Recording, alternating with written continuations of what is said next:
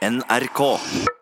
Nå skal vi snakke om to unge tyskere, Trodel Knepper og Georg Bauer, som møttes i Norge under krigen. Begge var byråkrater for den tyske okkupasjonsmakten, og da nordmenn feiret freden 8. mai for nøyaktig 74 år siden, begynte en usikker tid for dette unge paret og nesten 400 000 andre okkupanter som akkurat da befant seg i Norge. I en ny bok som kommer ut i dag, beskriver historiker Gudmund Moren en til nå ufortalt side av den norske okkupasjonshistorien.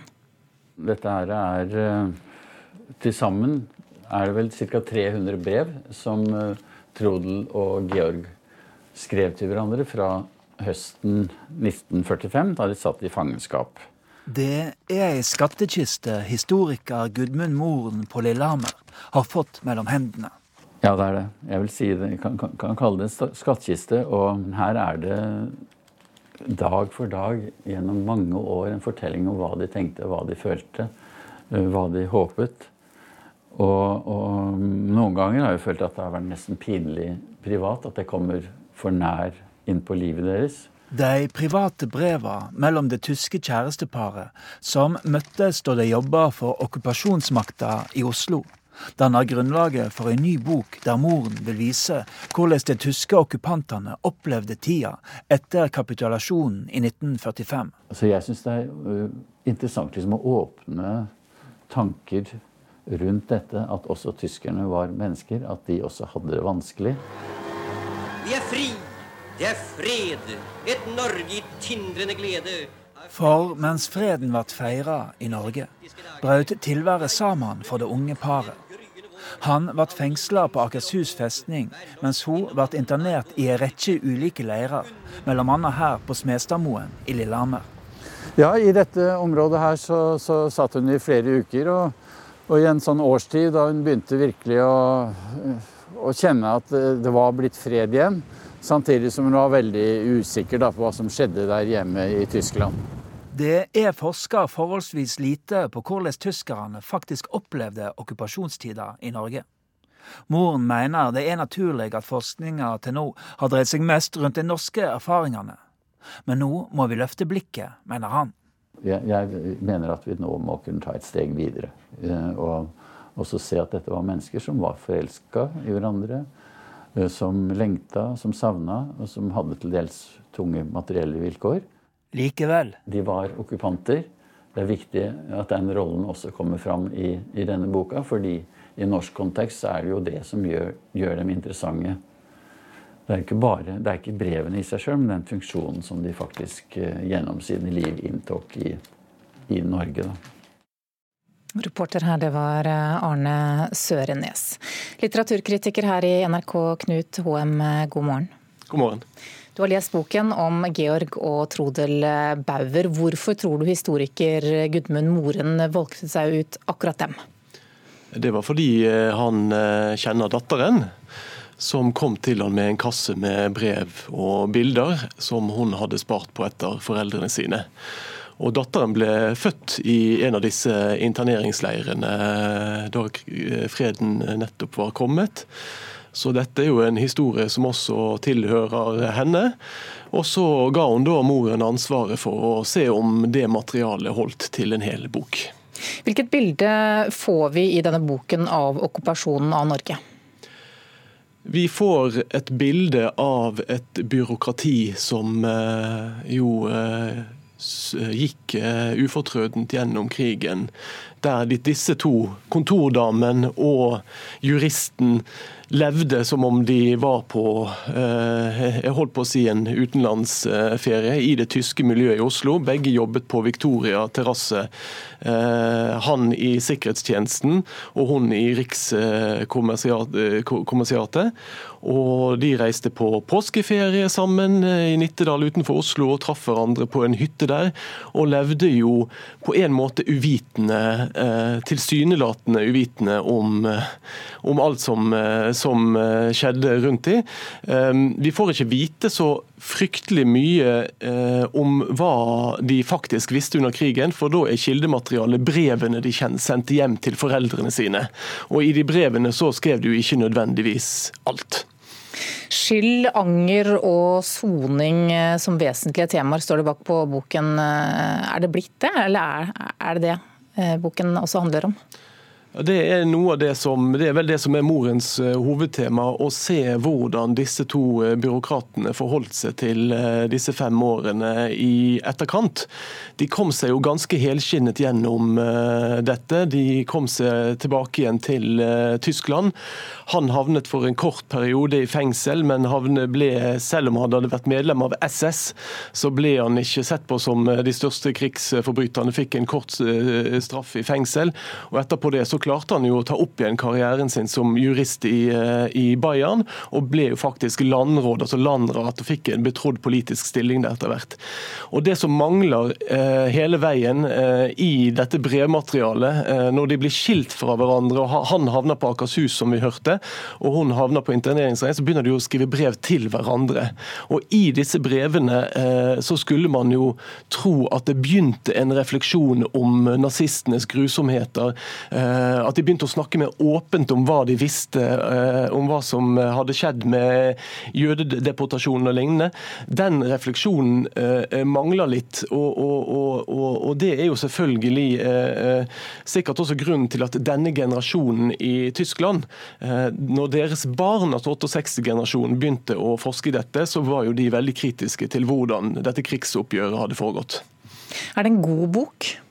Det er en veldig etterrettelig bok, der, eh, som er forbilledlig på den måten at historiker Moren eh, forteller nøyaktig det kildene gir han.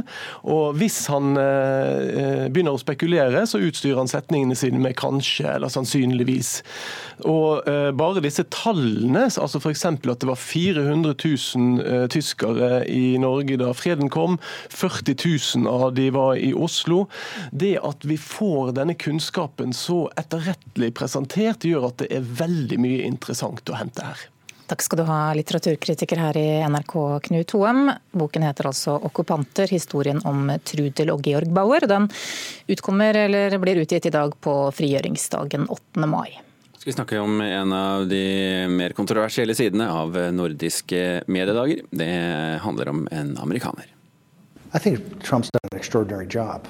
Donald Trump's a disruptor. He's, he's, a, he's an entrepreneur. The campaign ran like this. He has a certain house style that at 71 years old you're not going to change. Dette var Steve Bannon i et eh, intervju med BBC for rundt eh, et år siden. Og Bannon han er da altså en av hovedattraksjonene under Nordens største mediekonferanse, Nordiske mediedager, som starter i Bergen i dag. Mer enn 1800 mediefolk er samlet, og den store snakkisen altså ytre høyre-strategen Bannon.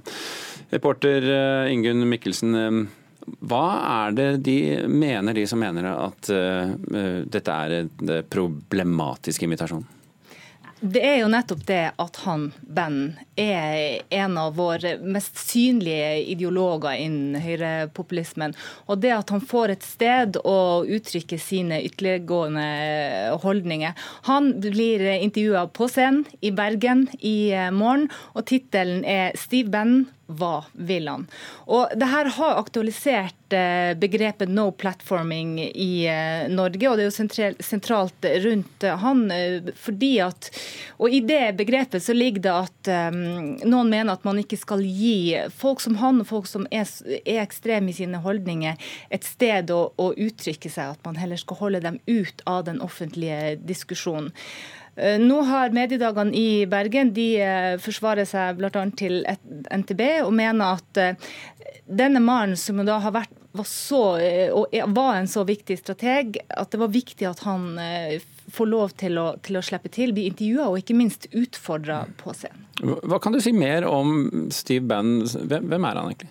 Han er jo mannen bak eh, valgseieren til eh, Donald Trump i 2016, som er en av de mest betydelige politiske eh, hendelsene i, i, i vår tid. Han var strategen i, i, valgkampen, og mange mener at Trump ikke hadde vunnet eh, om det ikke var for han. Men han ble jo ikke lenge under vingene til Trump eh, i etterkant? Nei, som så mange andre så, så måtte han ut av, av Det hvite hus. Og, og han er persona non grata der, visstnok, og også blant USAs republikanere. Og han ble faktisk sparka ut av det nettstedet som han bygga opp, altså det, det, det alternative mediehuset Braybart i USA, som er svært høyreorientert. Og møtene hans de trekker jo færre og, og, og færre. og Da han lanserte sin film 'Trump at War', så kom det visstnok bare 38 stykk for å høre på. Ja, Det blir sikkert flere uh, i Grieghallen uh, i morgen, da, for det er i morgen han skal snakke, er det ikke det? Stemmer det. Ja, ok. Uh, Ingunn Mikkelsen, takk for at du orienterte. Vi flytter oss både tematisk og geografisk til skuespiller og artist Espen Hana, som har stor suksess på scenen for tiden. Og ikke bare det, til høsten så debuterer han også som forfatter. 55-åringens roman handler om en tøff oppvekst på østkanten i Stavanger nærmere bestemt i Pedersgata, der mange opplevde rus og omsorgssvikt. Vi var jo en gjeng med gatebarn, egentlig, fordi vi bodde i altfor små hus med altfor store problemer, og det var kom deg ut. Går jeg gata gjennom livet mitt, her har jeg krøpet, her har jeg gått. Det renner en gate gjennom livet mitt, navn på sang og roman som er på vei fra Espen Hana. En i ordets rette forstand folkekjær skuespiller og artist fra Stavanger øst.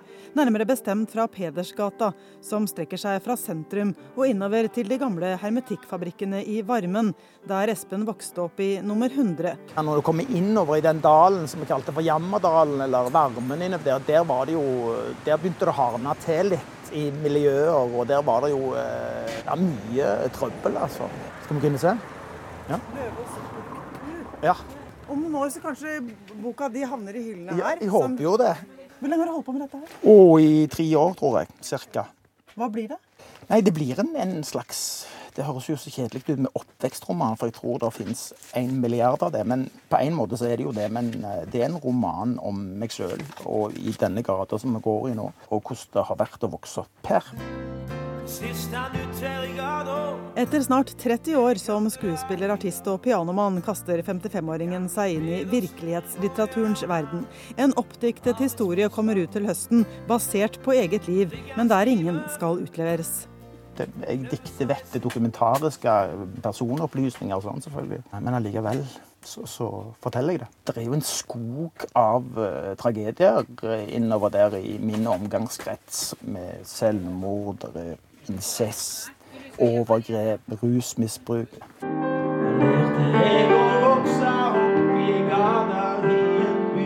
Så langt øst i en by som det er mulig å komme, står to møkkete smågutter og stirrer på en liten husklynge. De plirer mot de skrøpelige husene i det sterke sollyset. Hana smir mens jernet er varmt, som det heter, og gir ut roman fra Pedersgata til høsten. Lokal, men likevel allmenn, mener han. Og òg i en sånn tidskoloritt her fra hvordan det egentlig var her. I en by som kanskje i overvekt blir klassifisert som den vellykka oljebyen hele veien. At det faktisk ikke var sånn så det kanskje framstår noen plasser. Reporter i denne saken, det var Anette Johansen Espeland.